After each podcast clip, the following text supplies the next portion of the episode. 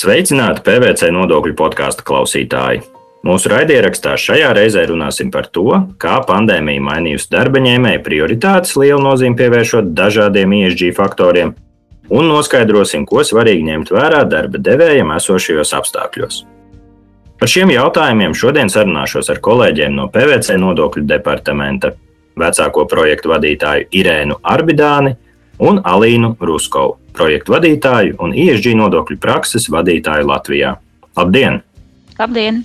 Labdien!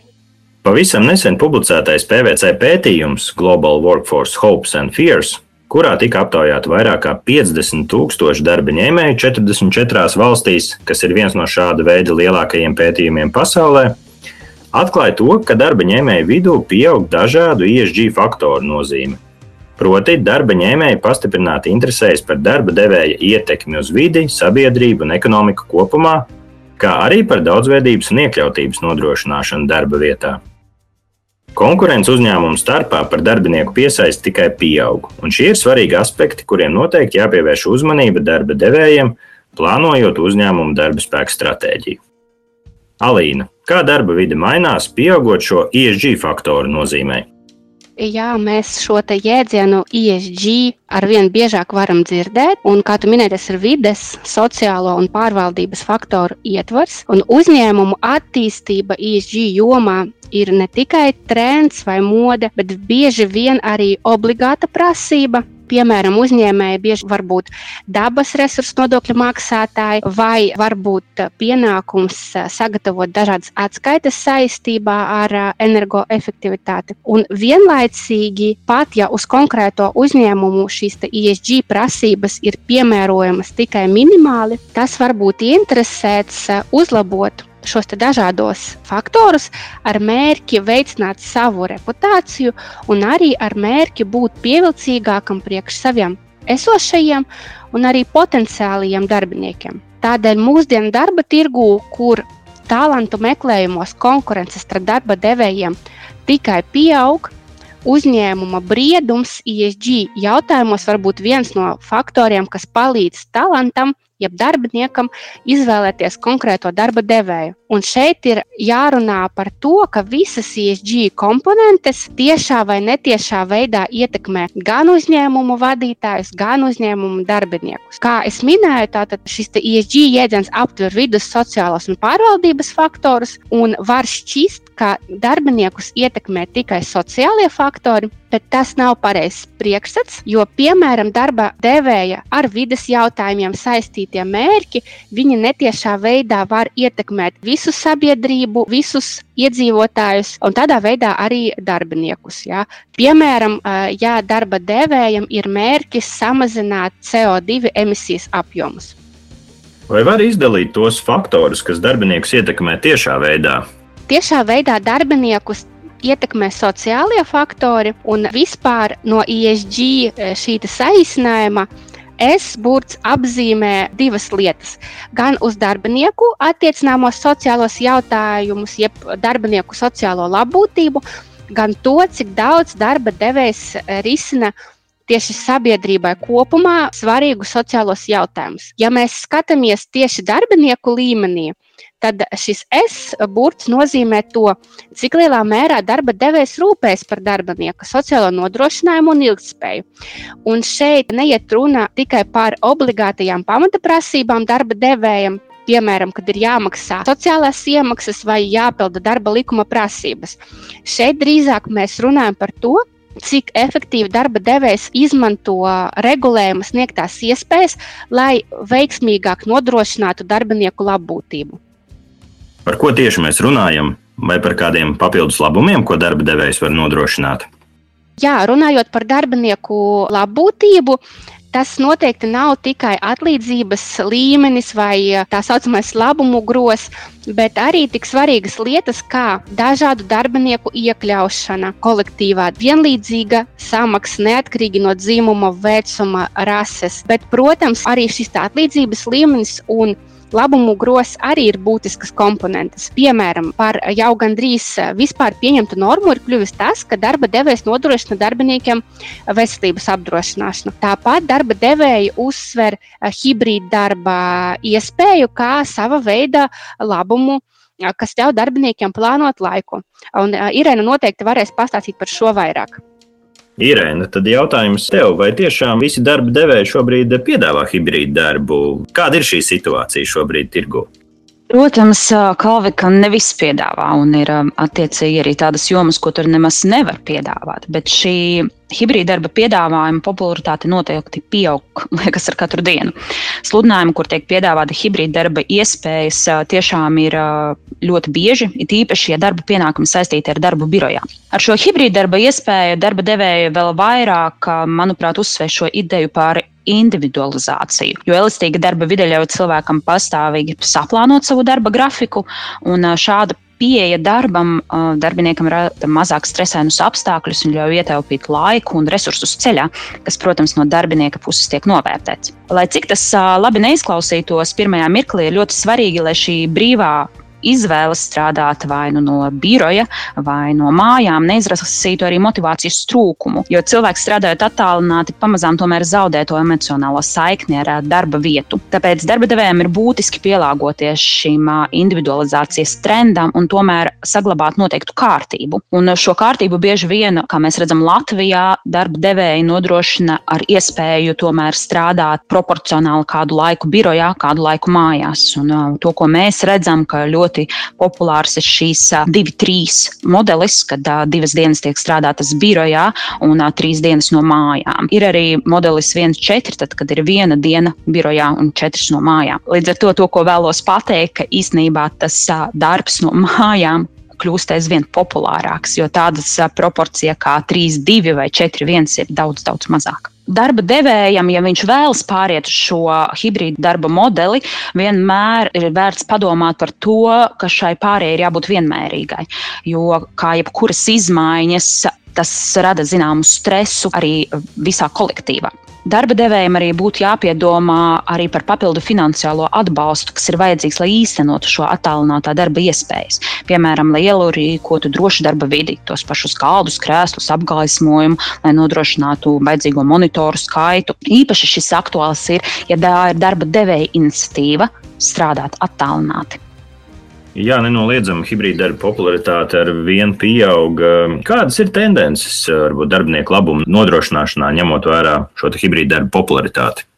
Kad uh, pamat kvalitatīvam hibrīddarbam ir izveidots, nepieciešams pievērst uzmanību tieši regulārai darba novērtēšanai un novērtēšanas metožu atjaunošanai.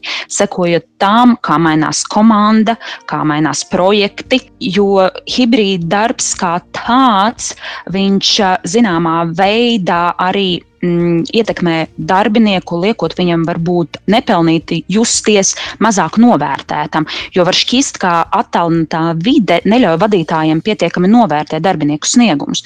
Līdz ar to svarīgākā lieta labumu nodrošināšanā ir piesaistīt un regulāri pārskatīt to, kādā veidā labumi tiek piesaistīti darbinieka sasniegumiem. Un, līdz ar to, to, ko mēs redzam, ka darba devēja pārskata šos labumus vairākos līmeņos. Sākot no to, ka prēmijas tiek piesaistīta plašāka komandas darbu novērtējumam, tajā pašā laikā neizslēdzot šos arī individuālo sasniegumu novērtējumu un uh, individuālos bonusus. Turpinot ar motivēšanas aspektu, atkal ir svarīgi pievērst uzmanību individualizācijas trendam un piedāvāt tā bonusu sistēmu, lai nodrošinātu darbinieku atlīdzības atbilstību viņu vajadzībām. To, ko mēs jau šobrīd redzam, ir, ka vairāki uzņēmumi, pārsvarā globāli, izvēlas piedāvā darbiniekiem pašiem veidot labumu grozu, kura papildus algai darbinieks var izvēlēties kādu no labumiem, kas viņam šķiet aktuāli. Vai tas būtu sporta kluba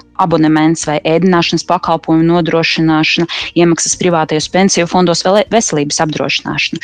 Un no šiem vai citiem labumiem darbinieks izvēlas sev piemērotākos un izmantot tos. Tomēr nodrošināt šos dažādos bonusus darbiniekiem, būtiski tos arī, arī sasaistīt ar rezultātiem un ieguldīto darbu. Fokusēšanās uz rezultātiem darbiniekam ļauj vairāk izcelt viņa augsto veiktspēju, uzsverot viņa darba pienākumus, nevis to, kur viņš strādā vai kad viņš strādā. Tādā veidā arī atbilstot šo hibrīdu darba modeli. Viena no tendencēm, kas ir vērojama atalgojuma veidošanā, tajā skaitā, protams, vairāk piemaksu un prēmiju apmērā ir um, šo dažādo izpildes kritēriju piesaistīšana ESG iniciatīvām, par ko jau Alīna ieminējās.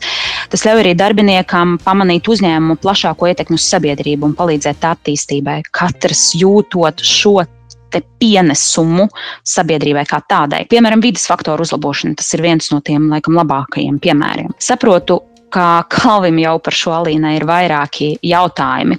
Bet tas, ko es vēlētos piebilst pirms turpinam, ka ir jau laiku vērojams tas, ka darba vietā vairāk nav tikai vieta, kur nopelnīt iztiku, bet gan vieta, kur socializēties un risināt sabiedrībai svarīgas lietas un kopīgiem spēkiem ietekmēt notiekušo. Tas arī ir resurss, ar ko darba devēja darbojas, lai piesaistītu darbiniekus vai tos noterētu. Alīna sauc tos par talantiem. Jā, tātad kultūra, vērtības, reputācija, uh, visibility ir kļuvusi par lietām, ar ko darba devējs piesaista šos talantus. Jā, Irēna, tev taisnība. Man ir uh, daži jautājumi par tevis pieminēto tēmu. Alīna, tu minēji, ka uh, ESG šis S elements sastāv arī no darba devēja dalības sabiedrībai svarīgu problēmu risināšanā. Pastāsti lūdzu vairāk, kā tas izpaužas un kā tas var ietekmēt darbiniekus. Kā jau sākumā pieminēju, ir tādi ESG faktori, kas darbinieku ietekmē tiešā veidā, un tādi, kas netiešā veidā. Un tā tevis pieminētā darba devēja dalība sabiedrības labklājībā, piemēram, sociālo jautājumu risināšana, darba devēja līmenī īstenotā zaļā politika, piemēram, pāreja uz bezpapīra biroju tā saucamo, ja pāreja uz elektroniskiem dokumentiem, jeb aktīva piedalīšanās vides jautājumu risināšana. Kaut vai tā pati uh, kolektīvā koku stādīšana. Šie ir tie faktori, kas, protams, darbinieka labumu grozu un tādā tiešā veidā darbinieka teiksim, labumus, atlīdzību neietekmē. Tomēr ir pētījumi, kas liecina, ka šiem talantiem vai darbiniekiem ir svarīgi, ko darba devējs dara ESG jomā, un pat ja darba devējs veids kaut ko, kas nav tiešā veidā saistīts ar darbinieka labumu grozu, bet viņam ir ietekme uz šo sabiedrības labbūtību, tad darbinieks drīzāk izvēlēsies šādu darba devēju. Es pievienojos Salīnai, un to, ko mēs arī kā PVC redzam, protams, ir tas, ka intervijās aizvien vairāk darbinieku jautā par to, kā mēs, kā uzņēmums, ietekmējam šo sabiedrību un kāds ir mūsu pienesums daudzās jomās. Ja, mēs par to runājam diezgan daudz intervijās ar mūsu potenciālajiem darbiniekiem, un tādēļ arī spējam piesaistīt šos talantus.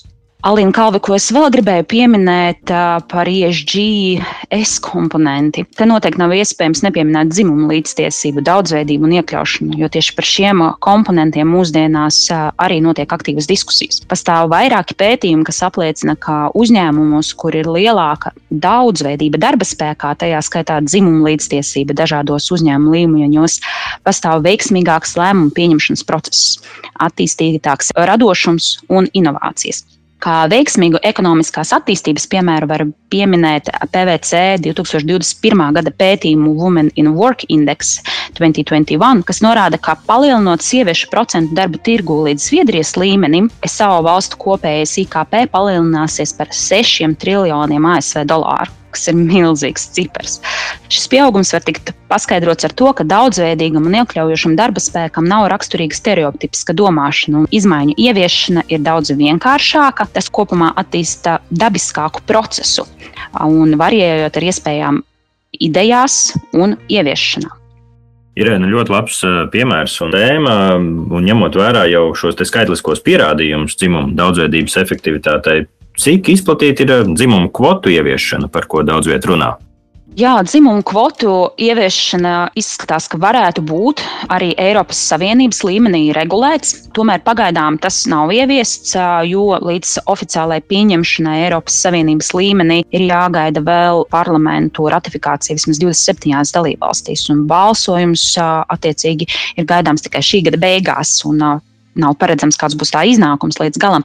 Tomēr šobrīd šādu dzimumu kvotas jau ir ieviesušas vairākas valstis, piemēram, Nīderlanda, Beļģija, Itālija un Francija. Tur šī kvota ir mērāma tādā veidā, ka 30% no uzņēmuma padomes locekļiem ir jābūt sievietēm, un dzimumu kvotas neievērošanas gadījumā iespējami ir sodi. Tādēļ citu valstu pieredze rāda, ka likumdevēju un biznesa vides pārstāvju uzsver dzimumu līdztiesību, daudzveidību un iekļaušanās pozitīvo ietekmi uz uzņēmumu izaugsmi un ekonomisko attīstību. Nenoliedzami, Irēna. Sekosim līdzi notikuma attīstībai par dzimumu kvotu ieviešanu. Teikšu jums lielu paldies par sarunu un atbildēm uz jautājumiem. Šodien par darba ņēmēju prioritātēm un ISG faktoru nozīmi sarunājos ar Irēnu Arbidāni un Alīnu Ruskovu no PVC nodokļu departamenta. Meklējiet aktuālās PVC nodokļu podkāstu epizodes mūsu mājaslapā vai straumēšanas vietnē Spotify. Mans vārds ir Kalvis Gavars. Paldies, ka klausījāties!